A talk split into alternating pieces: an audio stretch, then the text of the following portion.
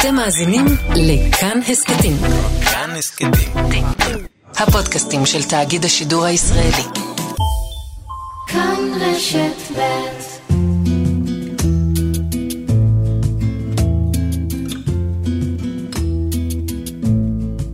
שני דברים לקחתי על עצמי, אחד זה להגיד שהמור הקודם מת ויש פה מור חדש. וברגע שהפסקתי להשוות את עצמי למור הקודם ולצפות שמור הזה בלי עשר אצבעות יעשה את אותם דברים באותה דרך שהמור הקודם עשה, היה לי הרבה יותר קל לנסות בצורה יצירתית יותר לעשות דברים. והדבר השני זה להיזכר באיזשהו משפט שהיה הולך איתי, כשהייתי אומר לעצמי שאם אני רוצה לראות משהו שלא ראיתי, אני צריך לעשות משהו שלא עשיתי. משמע לא לחזור על אותה דרך, אלא לנסות בדרכים אחרות, להגיע לתוצאות שונות.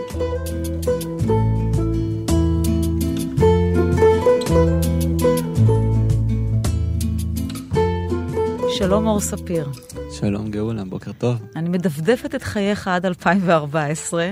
אני לא יודעת, אה, מה, ילדות ישראלית רגילה, לגמרי. צבא רגיל, קצין בצבא, אם כי נכון. צריך לציין, נכון? בהנדסה קרבית. בהנדסה אולי את קרבית. זה צריך קצת שזה לציין. אירוני. בדיוק. כי על פניו בהנדסה קרבית יש סיכוי, חלילה, עולים על מוקש אולי, לאבד איבר בגוף, לגמרי. אה, גם, חלילה. גם בפינוי מוקשים שלאחר מכן עבדתי, אז שם אולי קצת יותר עניין הידיים. אבל אה, כן, לא איזה משהו... אבל לא קרה כלום, והכל הכל נגמר בשלום, ושירות צבאי רגיל, ובאופן כללי ילדות רגילה. וב-2014 אתה יוצא לטיול של החיים, של אחרי שחרור. זה היה אפילו יותר מזה, כי כבר יצאתי לאיזה טיול או שניים, אבל הפעם החלטתי שאני טס לבד. רציתי באמת, בלי חברים מפה. בלי אף אחד שאני מכיר מכאן, רציתי ממש לחקור את עצמי ולראות איך מור מצליח להניע את עצמו, איך מור מצליח להוביל את עצמו, איך מור מתחבר אה, לאנשים בלי תוקף דרגה או ניהול או משהו כזה. והאם מור אה, בן אדם מסודר ומבולגן? ככה יש משהו ב... בלארגן את התרמיל שלך, אה, בטיולים האלה, ולהבין מה נחוץ, מה פחות חשוב, שהיה לי מאוד מעניין לשמוע את הקול שלי, וזה מה שהביא אותי לטוס לשם, לנפאל. זה מסביר למה לטוס, אבל למה לשם? למה לרכס אנפורנה? אה, רציתי להגיע הכי גבוה שאפשר. אז כשהתחלתי להסתכל על הדברים, ישב לי בראש המילה אברסט, אבל הבנתי שאברסט זה פרוצדורה לא, לא קטנה וזולה, אה, בשביל באמת להגיע לפסגת האברסט. אז אמרתי, אוקיי, בוא ניקח איזה משהו שהוא קצת יותר אה, עממי. אה, אבל היה חשוב לי גם שזה יהיה מסע, שזה לא יהיה עכשיו איזה שלושה ארבעה ימים, וטרק האנפורנה הוא 14 ימים. אה, מחויבות, מה שנקרא. בתור אה, מישהו שככה פחות היה מתחייב לדברים לפני כן, אז אה, היה גם חשוב לי לבדוק את העניין הזה. זה מת, מתאמן לפני הטרק? התאמנת? לא. כלום? זה טרק שנכון שמגיעים לגבהים מסוימים שיש אולי איכשהו להתאמן עליהם, אבל אני חושב שהאימון הכי טוב זה פשוט day by day. זאת אומרת, מיום ליום זה נהיה קצת יותר גבוה וקצת יותר קשה, ואתה גם נכנס ליותר כושר. ואין איזה חשש לפני, אתה יודע, סיפורים על מפולות, אה, בכל זאת, ואתה לא מתאמן.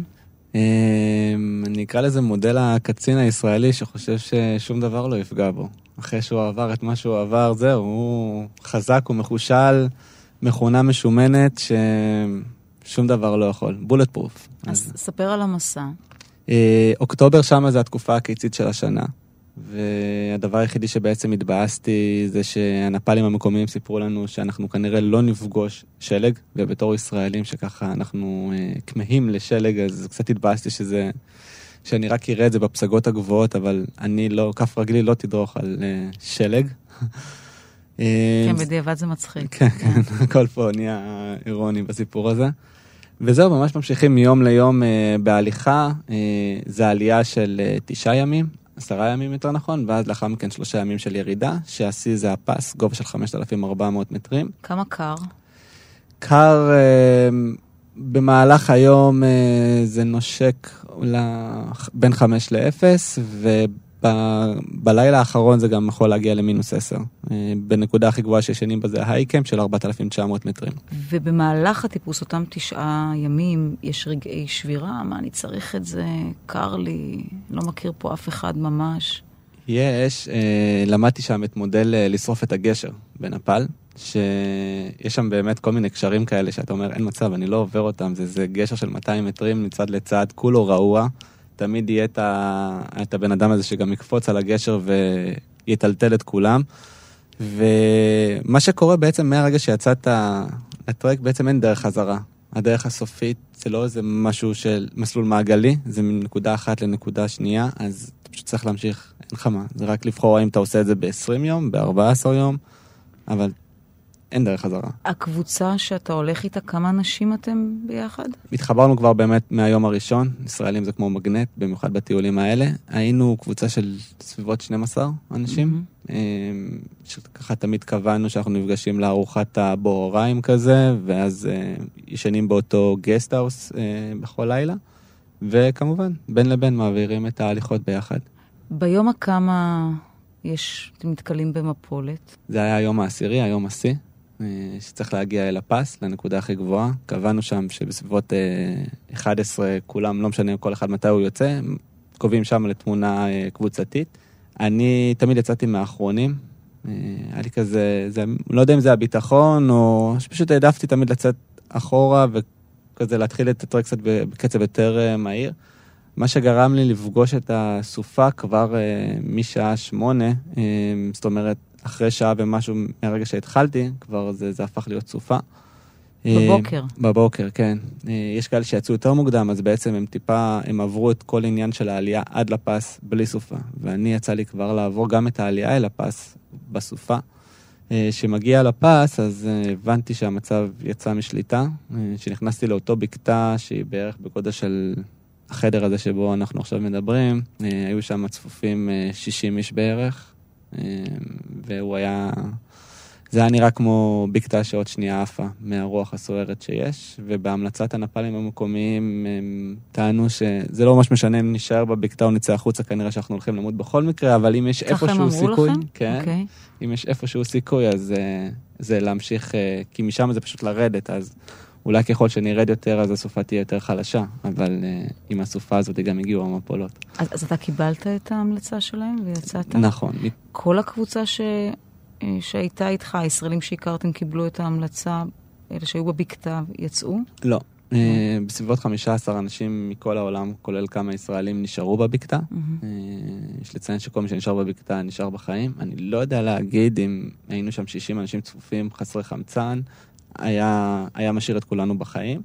אה, אבל לי היה מין, התלבטתי בין האם אני מפחד למות או אני רוצה לחיות, ואני חושב שהיציאה מהבקתה הייתה ממקום של אני רוצה... כן, אלה המחשבות, רזולוציה כזו של הרגש... okay, חיים או מוות?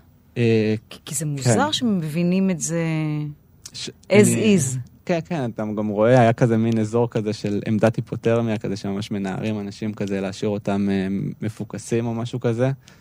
אמ, גם אני הרגשתי שם מאוד מאוד תשוש, כי כבר העלייה הייתה לי מאוד קשה. זו עלייה שאמורה לקחת שעתיים, וזה לקחה לי שש שעות, שבע שעות, משהו כזה, אמ, בגלל שכל כבר נהיה כל כך איטי מהסופה הזאתי.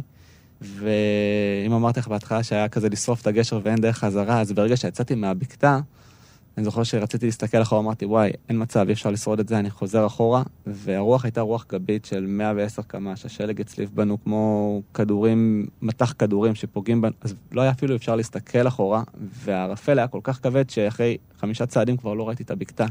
אז literally, לא היה באמת.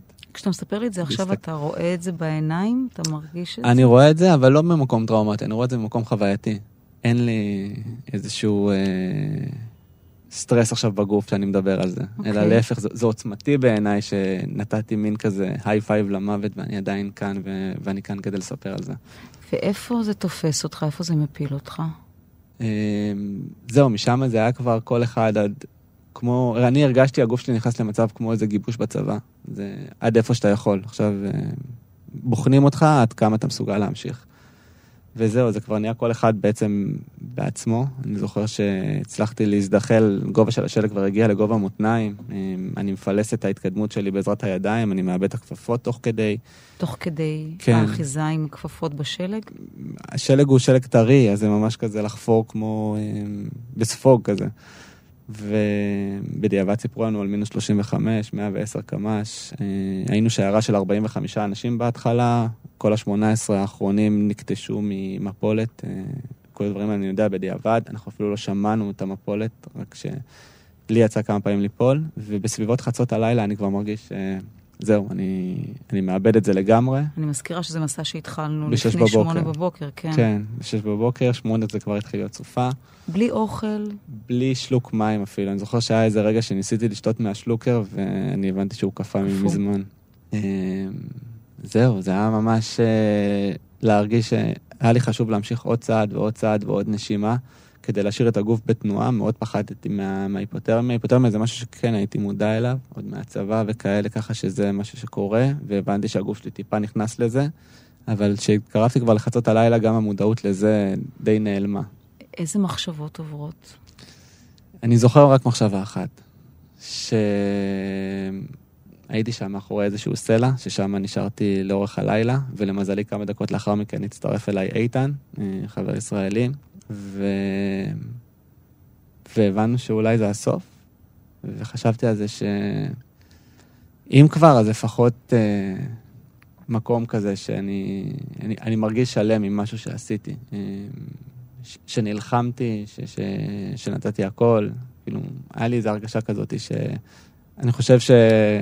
שסוג של שיא שהגעת אליו, כן, תרתי, ו... ואם כבר, אז ככה. כן. נשמע לי קצת יותר, אה, במרכאות, אה, מרשים? סקסי מתאונת דרכים או משהו אחר. אבל ניסינו להישאר ערים, בעיקר. פחדנו מהיפותרמיה וניסינו לתת מרפקים אחד לשני, לא הייתה יותר מדי אינטראקציה, היה לנו מאוד מאוד קשה. זה שלב שבו אתה מרגיש את הידיים, אתה מבין שאתה בבעיה? לא בידיים, אני מבין שהגוף בבעיה. אה, עוד משהו בדיעבד, רזיתי שישה קילוגרם באותו לילה. הגוף פירק וואו. הכל כדי אה, לייצר לשרוד. חום גוף ולשרוד.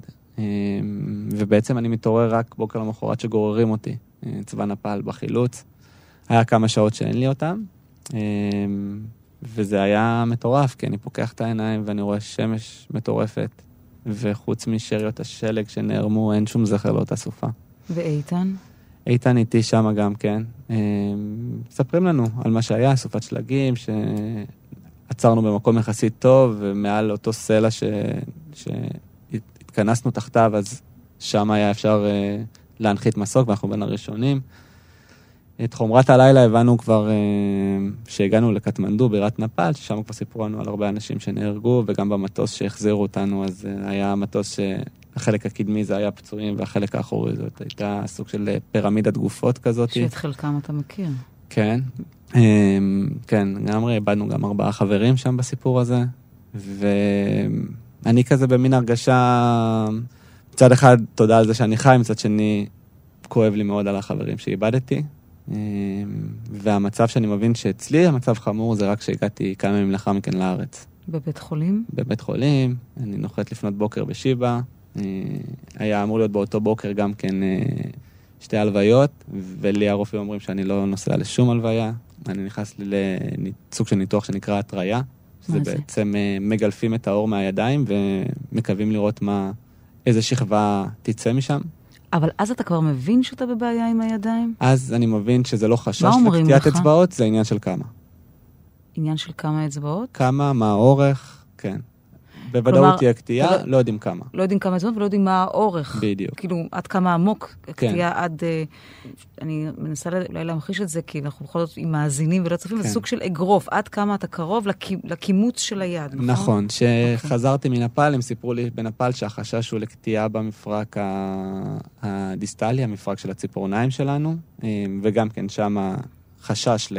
אה, אמרתי שזה היה לי כפות ידיים גדולות, הייתי משחק כדורסל, הייתי תופס את הכדור כדורסל כזה.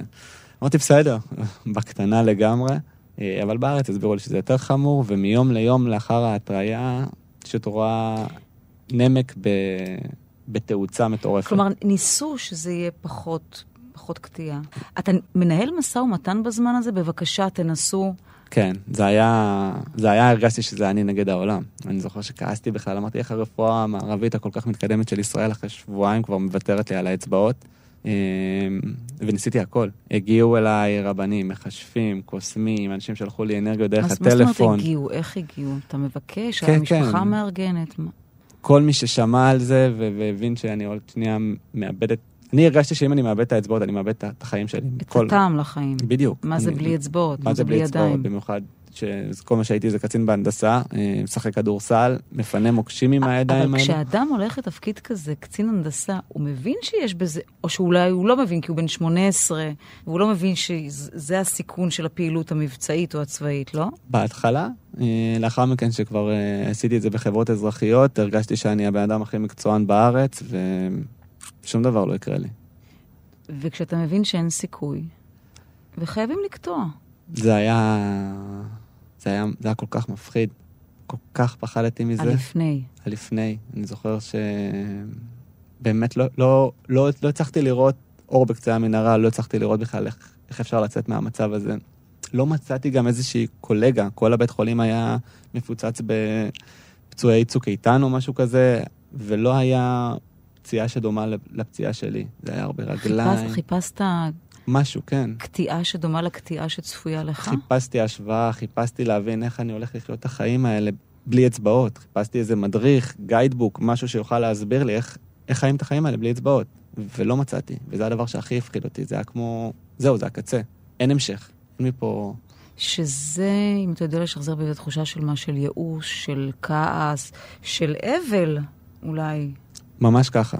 אני, כן, הרגשתי... אני הסתכלתי על האצבעות, היה לי איתם תקופה כל כך אינטימית, החודש וחצי הזה עד הקטיעה הראשונה, שהרגשתי שהם כמו... כל אצבע זה ילד, ואני נלחם עליהם. הרגשתי כמו... באמת, אני נלחם עם כל מה שאני יכול להציל את הילדים שלי, שזה האצבעות. אמ, אבל זה, זה לא צלח אה, בצורה החומרית, אה, ונכנסתי לאותו ניתוח, שבעצם הוא הסתיים בשלושה ניתוחים, כי כל פעם הורידו לי עוד טיפה יותר. הם קיוו שאולי נצליח להשאיר אצבע טיפה יותר ארוכה, אבל גם החלק הסופי היה מת, אז כל פעם היה צריך לצמצם עוד קצת ועוד קצת. אה, ובתום של קצת יותר מחצי שנה השתחררתי לחיים האמיתיים ולהבין עכשיו איך אני הולך לחיות אה, ולעשות את כל הדברים שאנחנו רגילים לעשות כמובן מאליו, ופתאום לנסות רגע, להבין איך עושים את זה. בחצי שנה הזו, אני מניחה שההורים מלווים אותך? מישהו? ההורים, אה, כן. חוטפים ממך הרבה כעס, כן, התפרצויות? לגמרי, לגמרי. זה היה... אני לא יודע אם... זה, זה פחות התפרצויות של כעס כמו... של אי? הצלחה. Mm. העניין הזה שפתאום מבן אדם כל כך חזק ועצמאי, אני הופך להיות כל כך תלותי, אה, ופתאום מרמת עכשיו להחזיק את הכוס, שהכוס נופלת, אה, ואתה מרגיש שאין, אתה לא שווה משהו. כל דבר, כוס, מברשת שיניים, צלחת, טישו. הכל, הכל, הכל. באמת, את לא... אין, אני קם בבוקר ואפילו אה, לשטוף את הפנים. הידיים חבושות, אין לי אפילו איך לשטוף את הפנים. וזהו, ואתה מבין שזה כבר סוג של איזה דינמו שלילי כזה, שהגוף נכנס לעוד אי הצלחה ועוד אי הצלחה ועוד אי הצלחה, ואיך אתה קם ליום למחרת אחרי כל כך הרבה אי הצלחות, אתה קם בעצם מוחלש יותר ולא מחוזק יותר. אה, וזו הייתה הנקודה, אני חושב, שהיא הייתה אפילו הרבה יותר נמוכה מ... מהקטיעה. זאת אומרת, שיצאתי הביתה ופתאום לא הייתה את האחות סיעודית או משהו כזה, וזה פתאום זה או אני עושה את זה או אימא צריכה לעשות את זה, אה, ואין את האיש המקצועי הזה שהוא בעצם אמון לעשות את הדבר הזה. כל הפעולות שהיו לך טריוויאליות עד אז, ולי טריוויאליות אה, עד היום, לא יודע, ללכת לשירותים, הכל, לגמרי. הכ- הכל, כן, לכ- כן. לכתוב, להחזיק עט. אמ, אז מה הדבר הראשון שעושים כשמנסים אה, אה, להחזיק מחדש, או להבין איך העסק הזה אמור לעבוד? אה, טכנית. אז שני דברים לקחתי על עצמי. אחד זה להגיד שהמור הקודם מת, ויש פה מור חדש שמתחיל תהיתי מאפס. לגבי זה, אני, אני צריכה שאני קוטעת אותך, כן. בחירת מילים מעניינת, אבל סליחה שאני עוצרת אותך, אבל בחלק הראשון של התוכנית שהתחלנו, אמרת מור כזה ומור כזה ומור כזה, אמרתי, רגע, זה או מישהו מדבר על עצמו בגוף שלישי יחיד, בדרך כלל או מישהו שעף על עצמו, אבל עכשיו אני מבינה שזה מור ההוא. נכון, יש שני מורים. ממש. זה... יש איזו מילה יפה בעברית שלנו שנקראת מתחיל, ואני מקטע אותה לשלושה, וזה מת חיילה. אם אתה רוצה להתחיל משהו, אתה צריך רגע לשים איזשהו סוף למה שהיה לפני, ולהתחיל מאיזושהי נקודה חדשה. אמ, כמה שיותר מאפס. וברגע שהפסקתי להשוות את עצמי למור הקודם ולצפות שמור הזה, בלי עשר אצבעות, יעשה את אותם דברים באותה דרך שהמור הקודם עשה, היה לי הרבה יותר קל לנסות בצורה יצירתית יותר, לעשות דברים. והדבר השני זה להיזכר באיזשהו משפט שהיה הולך איתי גם בתקופה הקשה, בצ... לא באמת אותה קשה, לא, לא באותו דרגת קושי בכלל, אבל uh, בצבא, ושהייתי אומר לעצמי, שאם אני רוצה לראות משהו שלא ראיתי, אני צריך לעשות משהו שלא עשיתי. משמע, לא לחזור על אותה דרך, אלא לנסות בדרכים אחרות, להגיע לתוצאות שונות. Uh, וזהו, והפסקתי להסתכל על איך הייתי אוחז את הכוס בעבר, אלא לנסות להבין. אבל אוקיי, איך אפשר בהחלטה לעשות דבר כזה? זה לא בהחלטה, זה ב... זה כמו, זה כמו, אני אתן דוגמה הרבה יותר קלה, אני מחליטה שמיום ראשון אני בדיאטה. אז אני מחליטה, אבל כל היצר, כל הצרכים שלי, כאלה שאני צריכה להיאבק בהם, ואתה אומר, אני בהחלטה? אמ, בדיוק מה שהניתוח היה בהחלטה, זה קטיעה. אמ, היה לי פתאום הרבה יותר ברור מה זה המילה קטיעה, אחרי שנקטעו לי האצבעות, ומה שנקרא לחתוך בבשר בעודנו חי. אז אה, גם זה מה שאני עשיתי, פשוט להבין שאני לא יכול כרגע לשאת את המחשבות, את הצרכים, את הציפיות שהיו מהמור הקודם. זה פשוט שאב אותי עוד יותר למטה, ולא יכולתי להכיל את זה. הייתי צריך איפשהו לקטוע את הדבר הזה. אני רק אומר לטובת מי שמצטרף או מצטרפת אלינו עכשיו, שאנחנו משוחחים עם מור ספיר, שבשלב הזה של קטיעת אצבעות, אה, אחרי שנפצעת מכוויות הקור ברכס הנפורנה, אתה מחליט שזהו, סיימת עם ההוא ויש מור חדש. אז איך הוא מתחיל, איך אתה מתחיל, החדש, לתפעל את העסק הזה? זה עניין של שיקום פיזי? זה עניין של תרגול? איך? זה עניין של המון המון צעדים קטנים, שבכל צעד קטן יש עוד מיני צעדים קטנים. אה, זה לשים לב להצלחות מאוד מאוד מאוד קטנות כדי לצאת מחוזק מהיום ולא מוחלש מהיום. כשהיום מורכב בטח ממלא אכזבות. ממש. היום כישלונות. המטרה, כן, לקום בבוקר ולהבין איך אני הולך לאחוז את הכוס. הנה, אז עכשיו תפסת את הכוס עם האגודל כן, מלמעלה. אבל גם אפשר להחזיק אותה מלמטה, ואפשר להחזיק אותה בככה, ואפשר להחזיק אותה בככה. ואם היא חמה, אז אה, חמה, כנראה שאני אחזיק אותה מכאן, או שאני, כנראה שאני לא אמלא אותה עד הקצה, ואני אחזיק אותה מלמטה. ותעדיף כוס מפלסטיק או מנייר, או שגם זכוכית אין בעיה. היום ברמת אה, ביטחון עצמי ויצירתיות, אני להפך, אני, תאתגרי אותי ותביא לי איזה כוס, אני הרבה יותר... אגרטל, תביא כן, לי וזה. ממש, בדיוק תביא לי, ככה, תחזיק עם ולהבין- האגודה. הבנתי שפשוט העולם לא מותאם לכפות ידיים שלי, אני רק צריך להתאים את עצמי עכשיו. אה, ואיפשהו שם, כשהתגייסתי לצבא, אז כשהתגייסתי להנדסה קרבית, אז אומרים לך גם בבקו"ם שנוהלת לפרוץ דרכים. זה, זה הנדסה קרבית, גדודי, גדודים שצריכים לפרוץ את הדרך. והבנתי שהפציעה הזאת בעצם, זה מה שהיא נתנה לי. להבין שנוהלתי לפרוץ דרך, ולאחוז כל דבר בצורה ייחודית, וזה פריצת דרך מבחינתי, אה, וזה נותן לי היום את הכוח. והתאמנת על כל דבר? כל דבר. איך נראה היה סדר היום שלך בלהתאמן בלהחזיק דברים? או- אה, להתחיל קודם כל מדברים לא שבירים. אה, כי הרבה דברים היו נופלים לי. הרבה דברים התרסקו בבית? כן. אה, סכו"ם של ילדים קטנים וכל מיני כאלה, כמה שיותר פחות, אה, לא להתחיל עכשיו עם סכין ומזלג, אבל נגיד אמרתי לעצמי, מה זה העצמאות מבחינתי בלאכול לבד? זה לאכול עם סכין ומזלג. ולקח זמן עד שהגעתי לזה. אז זה התחיל מכפית קטנה, שעברה למזלג קטן, שעברה לכף, שעברה למזלג גדול. כל מיני כאלה צעדים קטנים בשביל להגיע לאותה תוצאה. זה התחיל אפילו בהתחלה שהייתי מחבר לעצמי פה איזשהו אה, מטעם כזה ש, שיעזור לי מבחינת העומס על המיני אגודל שנש, שנשארה לי, כדי שאני לא, לא אפגע בה יותר מדי, שזה היה מאוד מאוד רגיש. פחדת שהיא תשחק ממאמץ? או... כן, זה מה שהפחיד אותי, ממש אמרו לי שבגלל שזה מה שנשאר, וזה שריר אה, יחסית קטן, ואין את האצבעות שתומכות בו, אז כנראה שבמוקדם או במאוחר אני אעבור שריק, שריקה בשרירים של האגודל, שני האגודלים. אבל בכל זאת אתה משתמש בהם היום? אה, כן, אני כי גם חושב החשש כבר לא קיים? או שקיים אבל אין ברירה? אמ, זה נכון, זה, אני לא יודע אם להגיד אם אין ברירה, כי יש ברירה, אני תמיד יכול... אה, אין פתרונות טכנולוגיים? אה, אתה יודע, אין פתרון ל- אין תחליף ידיים לרגש. רובוטיות, או... אני... אין תחליף לרגש. זה עוד משהו שאנחנו מקבלים כמובן מאליו, שאת נוגעת ואת יודעת להגיד שזה חם, קר, נעים, גס, ובדיוק, אין תחליף ללהרגיש את זה, אתה מתכוון. כן, ו- לתחושה הזאת, ואין היום פרוטזה שתיתן לי את הדבר הזה. אה, מה גם שכבר זהו, אני... אתה כבר לא צריך. זה יודע כיף לי, זה... אתה. יודע לעשות הכל עם הידיים? אה, קשה לי לחטט באף. בגלל שעם אגודל. זה בעיקר. אה, ו... אבל נגיד לסמס, כן, חופשי. כאילו... אגב, גם למדתי שאפשר אה, לסמס עם האף ועם המרפק ועם שורש כף יד, כל מיני דברים שגם כן מעבירים תחושה. אני חושב שלדעת לעשות הכל, זה לא באמת רק לעשות את הפעולה עצמה. לדעת לעשות הכל זה להבין איך שלכל בעיה יש דרך נוספת להגיע אליה. וזה לדעת לעשות הכל. באיזה שלב אתה מחליט, וואלה, בא לי לטפס. אה, אוקיי, אז כחלק מלא להשוות למור הקודם, אמרתי שכדורסל כרגע לא רלוונטי, ואני צריך למצוא משהו שלא עשיתי לפני, כדי לראות תוצאות אחרות או חדשות. ומכאן בית הלוחם שלמרות שלא נפצעתי בצבא, חיבר אותי לאיזושהי קבוצת טיפוס של אנשים עם מוגבלויות, שבעצם כל אחד, זה משהו שיקומי כזה. אה, כל אחד עם הבעיה שלו, מטפס ומנסה לכבוש את הפסגה שלו. אה, וההתחלה הייתה ממש קשה. אני לא מבינה משהו. אני מניחה שגם בקבוצה הזו, אתה בטח היחיד שאין לו כפות ידיים. כן. אולי אנשים שסובלים מאיזה שיתוק בגפיים התחתונות, או... קטיעת רגל, יד אבל חלשה. ידיים, אצבעות ספציפית, על פניו כל בר דעת מבין שצריך ידיים בשביל לאחוז באותן, אה, אחיזות. כן, של- אותן בליטות, אה, זיזים, כדי לתפוס אותם במהלך הטיפוס.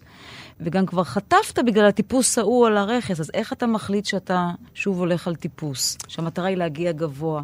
אה, כחלק מלהבין איך אני הולך לאחוז אובייקטים בחיים ולא להרוס אותם ולא לשבור לאימא שלי כבר את כל הבית, אחרי אה, לא מעט צלחות וכוסות ששברתי, הבנתי שאוקיי, עדיף שאני אפול מהקיר, אני גם ככה תלוי על חבל, אבל יש שם כל כך הרבה אחיזות, שכל בעצם כל אחיזה היא מדמה לי איזשהו אובייקט מהחיים, ו- ואני אבין לאט לאט דרך זה, איך אני אוחז ותופס את העולם עם הידיים החדשות שיש לי.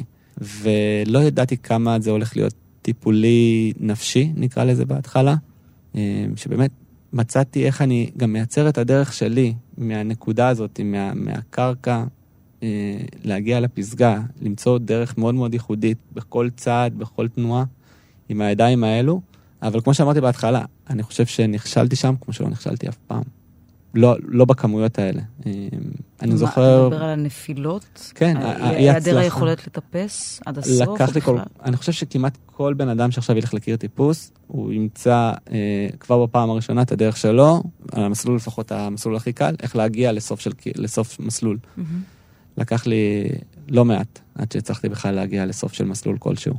הזכרת את אימא, היא או אף אחד אחר לא אומר לך, די, מספיק, אמיתי, העברת אותנו את הטיול ההוא ואת הקטיעה ואת השיקום, ועכשיו אתה הולך על משהו שהוא בהגדרה משהו מסוכן, הוא לא, הוא כיפי, הוא חווייתי, הוא מאתגר, אתה צריך אותו בשביל אולי הנפש וה, והאתגר, אבל, אבל זה גם יכול להיות מסוכן, והאכלת אותנו מספיק.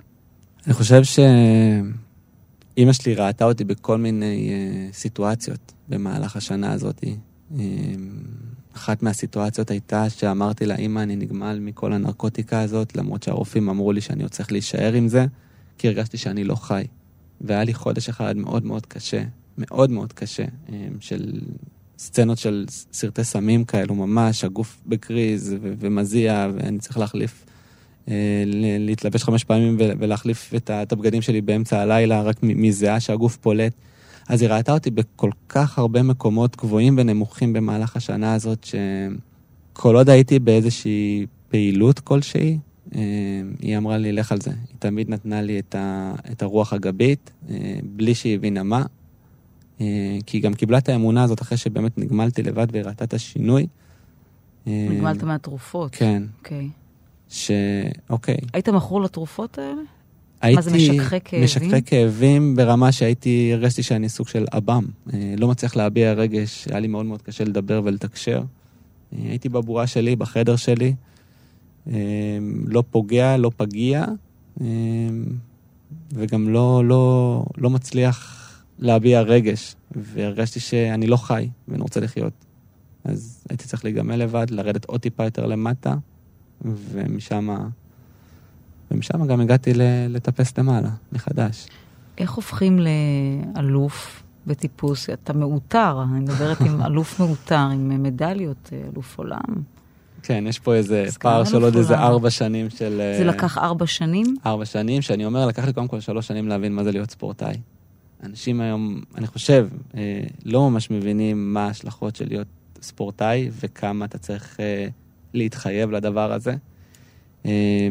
אבל הבנתי שאין, כאילו, יש בי איזשהו אש בפנים, איזה קול פנימי שאומר לי שזה מה שהוא רוצה, ואני, כל מה שאני צריך לעשות זה באמת לעזור לו להגשים את זה. הילד הקטן שבתוכי, ש, שרק רוצה להגיע הכי גבוה שאפשר. אם אמרתי לפני כן, המור הקודם מת, ויש פה עכשיו איזה מור חדש, אז המור הזה זה me more. שפשוט אומר, תן לי עוד, אני רוצה לראות מה עם הידיים האלה, איזה עוד קסמים אני יכול לעשות בעולם. אז המטרה היא לא להיות ספורטאי, המטרה היא בעצם... לפרוץ דרך. להרגיש שאם יש נקודה שעדיין לא הייתה בדרך, אז אני צריך לעשות אותה. והרבה פעמים אתה מרגיש לבד, וגם אני הבנתי שזה מודל פריצת הדרך. אתה, אתה לא יכול לצפות שאנשים ילוו אותך וילכו איתך למקום שהם לא יודעים, שאתה בעצמך לא יודע אם, האם יש דרך ואם יש מסלול להגיע ליעד הזה. אבל ברגע שאתה מרגיש שאנשים מצטרפים ו- ו- וממשיכים איתך, אז אתה מבין שיש פה איזה דרך שסללת. וזה הדבר שהכי מושך אותי היום. וזה ארבע שנים של אימונים?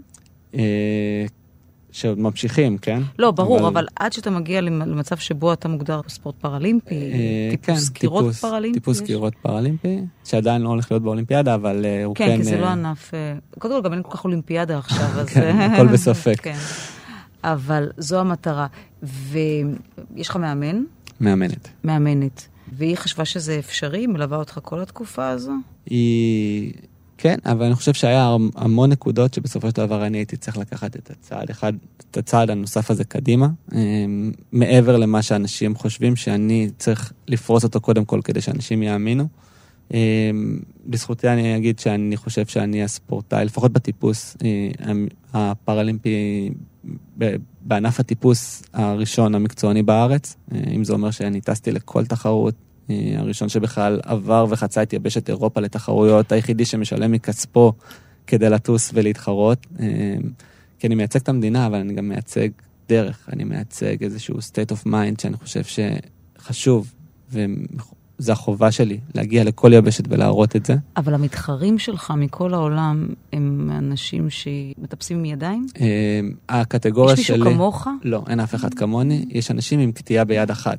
אה, אין, אין מישהו עם קטיעה בצמד ידיים. זאת אומרת, גם ביד ימין וגם ביד שמאל. וזה באמת משהו שקצת לא נתפס, במיוחד, אה, אני, אני רואה את זה, אני חווה את זה גם, את רואה אנשים קטועי יד, יש דבר כזה, זה לא יותר מדי אה, הזיה, אבל מצב כזה, גם כשאני רואה לפעמים כל מיני דברים שמסבירים לעצמם שהם משהו נגיש, לדוגמה כספומט, אז רק על למשוך את הכרטיס אשראי, אין, לפעמים את האפשרות ואני צריך- להבין איך אני מושך את זה, ונבלע? לי, נבלע לי כבר פעמיים יצא לי בחיים זה שנבלע לי. מספיק מהר? כן, כי לפעמים יש אה, ממש חור קטן כזה. עם השיניים. אבל זה האף, האף אה, תוקע אותי מלהיכנס. אז אה, גם מקומות שמגדירים את עצמם כנגישים, בעצם אה, לי, בגלל שזה בצמד הידיים, אז אין לי את האפשרות לעשות את זה. אין יד אחת שאני- שתחפה על זו- בדיוק, אחרת. בדיוק. אה, בגלל זה אני חושב שזה קצת ייחודי וחשוב שאני אראה את זה גם במקומות נוספים. תגיד, בוא רגע, נגיד שאתה אתה עכשיו עומד בפני טיפוס קיר, אני מניחה שבטח יש דברים שהם יותר קלים לך ויש גם מאתגרים. איך עושים את זה? אתה מתכנן את הדרך, אתה... אני מניחה שאצלך זה אקסטרה, זה לא רק לתכנן את הדרך, אלא, ומה הזיז היותר קל להיתפס עליו, אלא איך אני עושה את זה בלי לדעת לתפוס אותו בהכרח. אה, הר... נכון. הרגל, המקום למצוא אה, לרגל יותר חשוב מאשר ליד? מנסה להבין איך זה עובד. אני לא יכול להגיד שזה יותר חשוב או פחות חשוב, יש פה... במקרה שלך. יש דברים שצריך הרבה יותר להישען על הרגליים, יש דברים שצריך יותר על אוקיי. הרגליים. העניין הוא זה באמת, אני, אני מקביל את מסלול הטיפוס למסלול החיים. אמ, לכל אחד מאיתנו יש איזה משהו שהוא רוצה להגיע אליו, ובין לבין יש את הבעיות האישיות שלנו. הבעיה שלי בקיר הטיפוס כנראה לא תהיה הבעיה שלך, וגם להפך. אז ככל שאתה מצליח לאתר כמה שיותר מוקדם את הבעיה שאתה הולך להתמודד מולה, יהיה לך הרבה יותר קל למצוא לה כמה אופציות אה, או אלטרנטיבות של איך להתגבר עליה. ו... אבל אתה לא רואה את הבעיה בהכרח מלמטה. אתה נכון. צריך להגיע לפחות וזה- לחלק מהדרך בשביל לעשות... ענף הטיפוס בעיקר, אני חושב שהכישרון הכי גדול שצריך בו, אה, זה היכולת להתגבר על מכשול בהפתעה. שזה מגיע אליך בלי שחשבת, אמרת, אוקיי, לא חשבתי שזה יהיה כל כך קשה מלמטה מהרצפה, ופתאום אתה מגיע ואתה אומר, וואו, מה אני הולך לעשות פה עכשיו? וזה גם נראה לי שזה מה שקורה לנו בחיים, שאנחנו מקבלים את זה בהפתעה, כן? להתגבר על בעיות שאנחנו יודעים, אז אנחנו מתכננים, אבל ברגע שאיזושהי בעיה מגיעה לנו בהפתעה, משום מקום, שם בעצם אנחנו נמדדים. כן, אבל ברמה האופרטיבית אתה מטפס חצי דרך, אתה מגיע, איפה אני תופס, מה אני תופס פה? אז מה אתה עושה? אין מחשבה הזאת באמצע תחרות של האם אני תופס או לא תופס, זה איך אני תופס. זה, זה משהו שמשתנה בראש. באימונים אני יכול להגיד לך, אני מסכים איתך, יש הרבה פעמים שאני אומר, אוי, זאת אחיזה שאני לא מצליח לתפוס, אולי אני צריך לדלג עליה. בתחרות, הראש נכנס למצב של uh, מלחמה בקטע הזה, אומר, זה רק איך אני תופס אותה. האם ימין, האם שמאל, האם שתי ידיים, האם בלמטה שלה, האם בלמעלה שלה. יש משהו מאוד מאוד מיוחד שיוצא ממך ברגע של התחרות, שאתה מבין שזה now or never, זה עכשיו, הזדמנות אחת, ואני חושב ששם גיליתי בעצמי הרבה דברים שלא ידעתי שקיימים בי לפני. מה יותר מאתגר?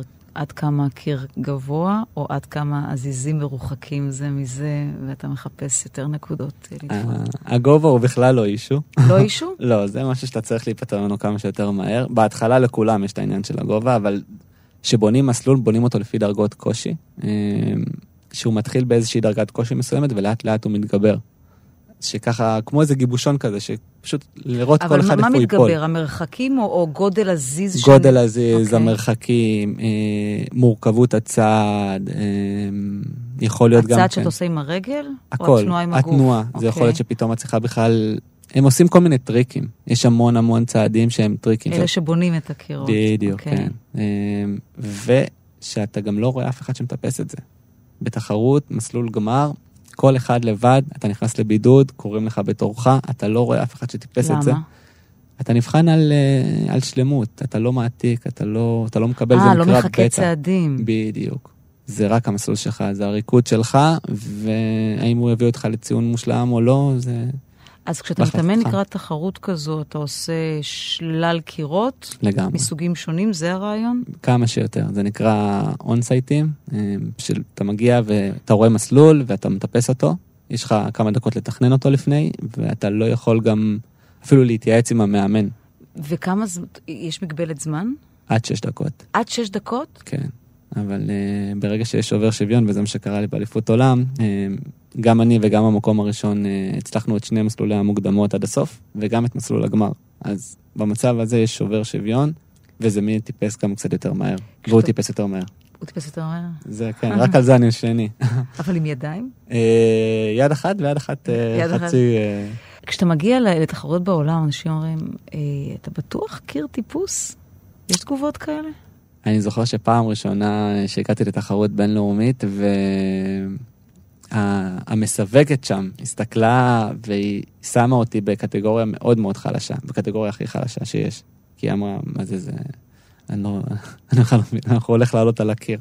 ופתאום זה הגיע לאיזשהו מצב שאמרו לי, מה, אתה כל כך טוב, אז בכלל רצו להעביר אותי לאיזושהי קטגוריה כבר של רגילים, של אנשים שיש להם פשוט איזושהי מגבלה בשתי נקודות בגוף. עכשיו, זה לא, זה, זה לא מגבלה בשתי נקודות בגוף, זה, לא. זה עם מה שאתה תופס, אתה לא יכול לחפות על זה יותר מדי. אה, אז זה הגיע למצב של, כן, אני, אני באיזשהו גם מקום שברתי להם כמה מוסכמות, שפתאום היום כבר מסתכלים על הידיים שלי ואומרים, מה, זה כלום, זה, זה, זה שטויות. אבל היה פה המון תהליכים מקדימים בשביל להגיע לתוצאה הזאת. והבחירה היא עדיין אה, בספורט פראלימפי? כי על פניו, מה שאתה מתאר, אומר, רגע, שיתחרה עם... אה, אז אה, אני קודם כל גם מתחרה בתחרויות רגילות בארץ. אה, לכבוד הוא לי לסיים בין האחרונים, באמת אני אומר את זה, וזה במקום הזה של פשוט להבין, קודם כל להבין מה המרחק ומה הפער עדיין שיש לי לצמצם. והדבר השני, אבל אני מניחה תלוי מי מתמודד מולך. כלומר, אם אני אתמודד מולך, אתה תנצח אותי. כנראה, אבל אם אדם שמתמחה בטיפוס אה, קירות אה, יתמודד מולך, אז הוא ינצח אותך קרוב לוודאי. כן, אז הייתה אליפות הארץ בבולדר לפני כחודשיים, שהתחרתי שם. אה, היה לי מאוד מאוד מאוד קשה. זה מסלולים בדרגות קושי שאני בכלל לא, לא מגיע לט- לטפס אותם, ובעצם התחרות הזאת מתחילה מהדרגות קושי האלה בכלל. אה, אבל זהו, אני מבחינתי, המטרה שלי זה היה פשוט לבוא לשם ולעשות את הכי טוב שלי, אני מתחרה מול עצמי. גם כשאני מגיע לתחרות של פראלימפית, המטרה שלי זה לסגור את המסלול, זה לא המקום הראשון. אם אני אעשה, לסגור את הראשון ואת השני, ואני אעלה לגמר ונסגור את הגמר, סביר להניח שאני, אהיה שם בפודיום, כן? אז זה יהיה שני על זמן, אני מוכן לקבל את זה. אני מתחרה מול עצמי. אני הפסקתי מ- מהקטיעה, אני גם קטעתי את ההשוואות שלי לבין אנשים אחרים. אני יודע שיש דברים שלוקחים לי יותר זמן, ויש דברים שיהיו לי הרבה יותר קשים מלאנשים אחרים, אבל זאת הדרך שלי, אני מאמין בה, ואני אקבל את הזמן הנדרש. אין רגעי שבירה, אין רגעים אה, מתסכלים, קשים. תשמע, כי אני אומרת לך, וואו, אני, אני ארשום את הכללים של אה, לעשות 1, 2, 3, 4, לומר לעצמי כך או אחרת, להציב לעצמי אתגרים. אני אנצח את המגבלות אה, של עצמי, הפיזיות, הנפשיות, וככה אני אעבוד. אבל זה לא עובד ככה בחיים בדרך כלל אה, אצל מרבית אה, האנשים. אין רגעים אה, קשים של תסכול, של לחץ, של פחד, של אה, יאללה, הייתי חוזר אחורה לחיים הקודמים שלי. אני רוצה אני- ידיים. קודם כל יש. אה, פחות עניין של הידיים, אבל אני ככה, אני אשתף אותך ביום שישי האחרון, אה, בגלל שכל התחרויות השנה בוטלו, אה, אז לקחתי לעצמי פרויקטים של טבע. בוטלו בגלל הקורונה. נכון. אז לקחתי לעצמי פרויקטים של להגיע לדירוגי קצה, דרגות קושי, אה, לשבור כל פעם איזושהי דרגת קושי אחרת בטיפוס בטבע. שלי זה היה הרבה יותר בארץ. קשה. כן, כן. כרגע בארץ. למרות שהייתי גם איזה שבועיים בבולגריה במחנה אימונים.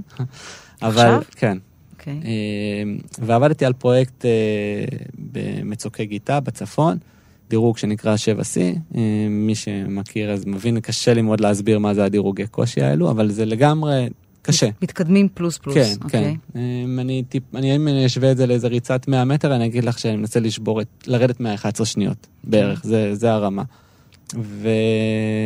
והגעתי, אחרי כבר חודשיים שלמים שאני מתאמן על אותו מסלול, נופל, נופל וקם, נופל וקם, נופל וקם, משפר, בונה את הדמונסטרציה גם כן בקיר אה, המלאכותי, כדי לעבוד על הצד. יום שישי האחרון היה שם, היו שם כמה אנשים, כל אחד סגר את הפרויקט שלו, ומור עולה עוד פעם ועוד פעם ועוד פעם, ולא מצליח. ואני חוזר שעתיים נסיעה הביתה, ואני שואל את עצמי, האם, האם הגעתי לקצה? האם זהו, זה כאילו בעצם הידיים מאותתות לי שזה הכי טוב שהן יכולות לעשות, ואני צריך לקבל את המצב הזה? או שזה בעצם עוד איזשהו בחינה כזאת, עוד איזשהו אה, משהו שהיקום בוחן אותי רגע לפני. אז תמיד יש את הספקות, ותמיד יש את רגעי השבר, אה, וביום שני האחרון הצלחתי לעשות את זה. אה, בלילה, בשמונה בלילה, בניסיון השלישי של אותו יום, זה כבר עם פנסים, ומצולם? ויש צילום. תיעוד, כן. כן, הוכחה. ו... וזו הרגשה מדהימה, כי זה באמת, אתה מבין ש... שיש דרך. שלא תמיד, ויתרת. תמיד לעצמך. יש דרך, כן. איך אנשים מגיבים אליך, כאלה שלא מכירים? המבט נודד לידיים? כן. או שמנסים להימנע מ... תראה, מדינת ישראל היא מדינה הרבה יותר קלה בסיפור הזה, כי אנחנו לא... אנחנו אה, ל... פשוט אומרים, אז כאילו, לי מרגיש הרבה יותר בנוח עם זה שאנשים ישר, ישר ישאלו אותי, או, או יסתכלו, מאשר נגיד בחו"ל, שאני יכול עכשיו, לא יודע, להיות בקיר טיפוס אה, יום שלם, ואנשים יהיו בהלם איך אני מטפס, אבל אף אחד לא ישאל. כולם ימשיכו כאילו כרגיל, ויש לי ידיים כמו שלהם, ישאירו את הפיל הזה אז אתה בחדר, מעדיף- שישאלו אותך. מעדיף מאשר שיישאר הפיל הזה קרה בחדר. לך שמישהו בהה בידיים ואמרת לו, אתה יכול לשאול, זה בסדר. אה, דבר.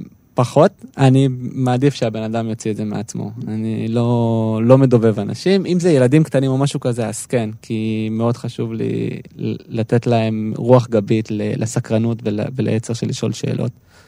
אבל אנשים בוגרים זה כבר, זה, זה החלטה שלהם, אני לא בא לשנות תפיסה של בן אדם, ואם חשוב לו משהו לדעת, אז הוא אבל צריך אם לשאול. מישהו מגיב ברתיעה, מה זה עושה לך? אה, אני מקבל את זה, אני חושב שזה בסדר, זה משהו חדש, משהו שהוא לא רע. לי לקח שנתיים עד שהסתכלתי על הידיים האלה, אמרתי שזה הידיים הכי יפות שיש. אבל לקח זמן שהייתי צריך להסתכל עליהם ולהפור איתם סוג של תהליך של יחסי אהבה שנאה. זוגיות? קשה לי, לא בגללם, קשה לי מה, מה, מהאורח חיים, מהדרישות שלי, מהציפיות שלי. אה, זה משהו שאני מאוד מחפש, כן? אבל אני חושב שעוד לא, עוד לא, עוד לא מצאתי את הדרך. אני יודע שיש דרך, זה אותו דבר. יש רגעי שבר, יש אה, אי הצלחות, אה, יש התקדמויות קטנות ואז נסיגה אחורה. אבל לגמרי, להפך, אולי בעצם הידיים מאוד עזרו לי בקטע הזה. תסביר. כי זה, זה מין, זה מין גשר כזה שזה מאוד מאוד פשוט. את, אם יש, אם זה משהו שדוחה מישהו, מישהי, אז היא די תראה את זה ותראה את זה בהתחלה, ומצד שני אם זה... זה סוג של מבחן. כן, ומצד שני, אם זה לא, אז זה ההפך, זה, זה כאילו, זה, זה עוד שני צעדים קדימה מבחינתה. אבל נגיד, אתה היית נרתם מלפגוש מישהי שסובלת אה, מאיזושהי אה, פגיעה או נכות? אתה תחפש מישהי, לא, לא יודעת אם תחפש, אבל כאילו באופן טבעי, כלומר, אולי אפילו עדיף שבזוגיות לאחד יהיה ידיים. יש מצב, לגמרי, למרות שגם אה, אחד מהתרפיות שמצאתי. אחד מהתרפיות שמצאתי את עצמי בתקופת הקורונה זה שטיפת כלים, למרות שיש מדיח, אמרתי, לא, אני שוטף כלים, זה נתן לי איזה ככה, איזושהי פעולה אה, של סוף יום, הצלחה כזאת תמיד. זה גם אמא לימדה אותי, משאירים את הכיור ריק. אז... אה, זה- זאת באמת עצה שווה לחיים, ואז אתה קם בבוקר ואתה רואה בית מסודר. נכון? שני דברים, כן. מסכימה. זה בבוקר לסדר את המיטה ובלילה לשטוף את כל הכלים מהכיור. אז אם מישהו מחפש את זוגיות, מור הנה. שוטף את הכלים. ויסדר גם את המיטה בבוקר. אה, אז זה באמת לא, לא משהו ש... זה לא אישו? לא. כשאתה מסתכל על מישהי? אני, אני, אני, אני אגיד לך מה, זה, זה הרבה יותר של מה הביטחון העצמי שהבן אדם משדר. אני מסתכל על עצמי ומור הזה באמת גם נראה הרבה יותר טוב, גם הרבה יותר חזק, גם הרבה יותר מוצלח, גם הרבה יותר מרשים, בלי אצבעות. בין מה שהפסדתי למה שהרווחתי, הרווחתי הרבה יותר. וזה העניין של איך בן אדם משווק את עצמו. קודם כל עבדתי על לשווק את, את עצמי לעצמי, כן? כדי להגיע לרמה הזאתי. וממש לא אישו. מור, אני מאחלת לך הרבה הצלחה. תודה רבה. אני בטוחה שאני, שגם בלי האיחולים שלי זה קורה ויקרה. ותודה רבה שהיית. איתנו. תודה לך. ואני רוצה להגיד תודה לעורכת אליה גאנה, לטכנאים ראובן מן וגיא פלוויאן, ותודה לכם שהייתם איתנו, שבת שלום.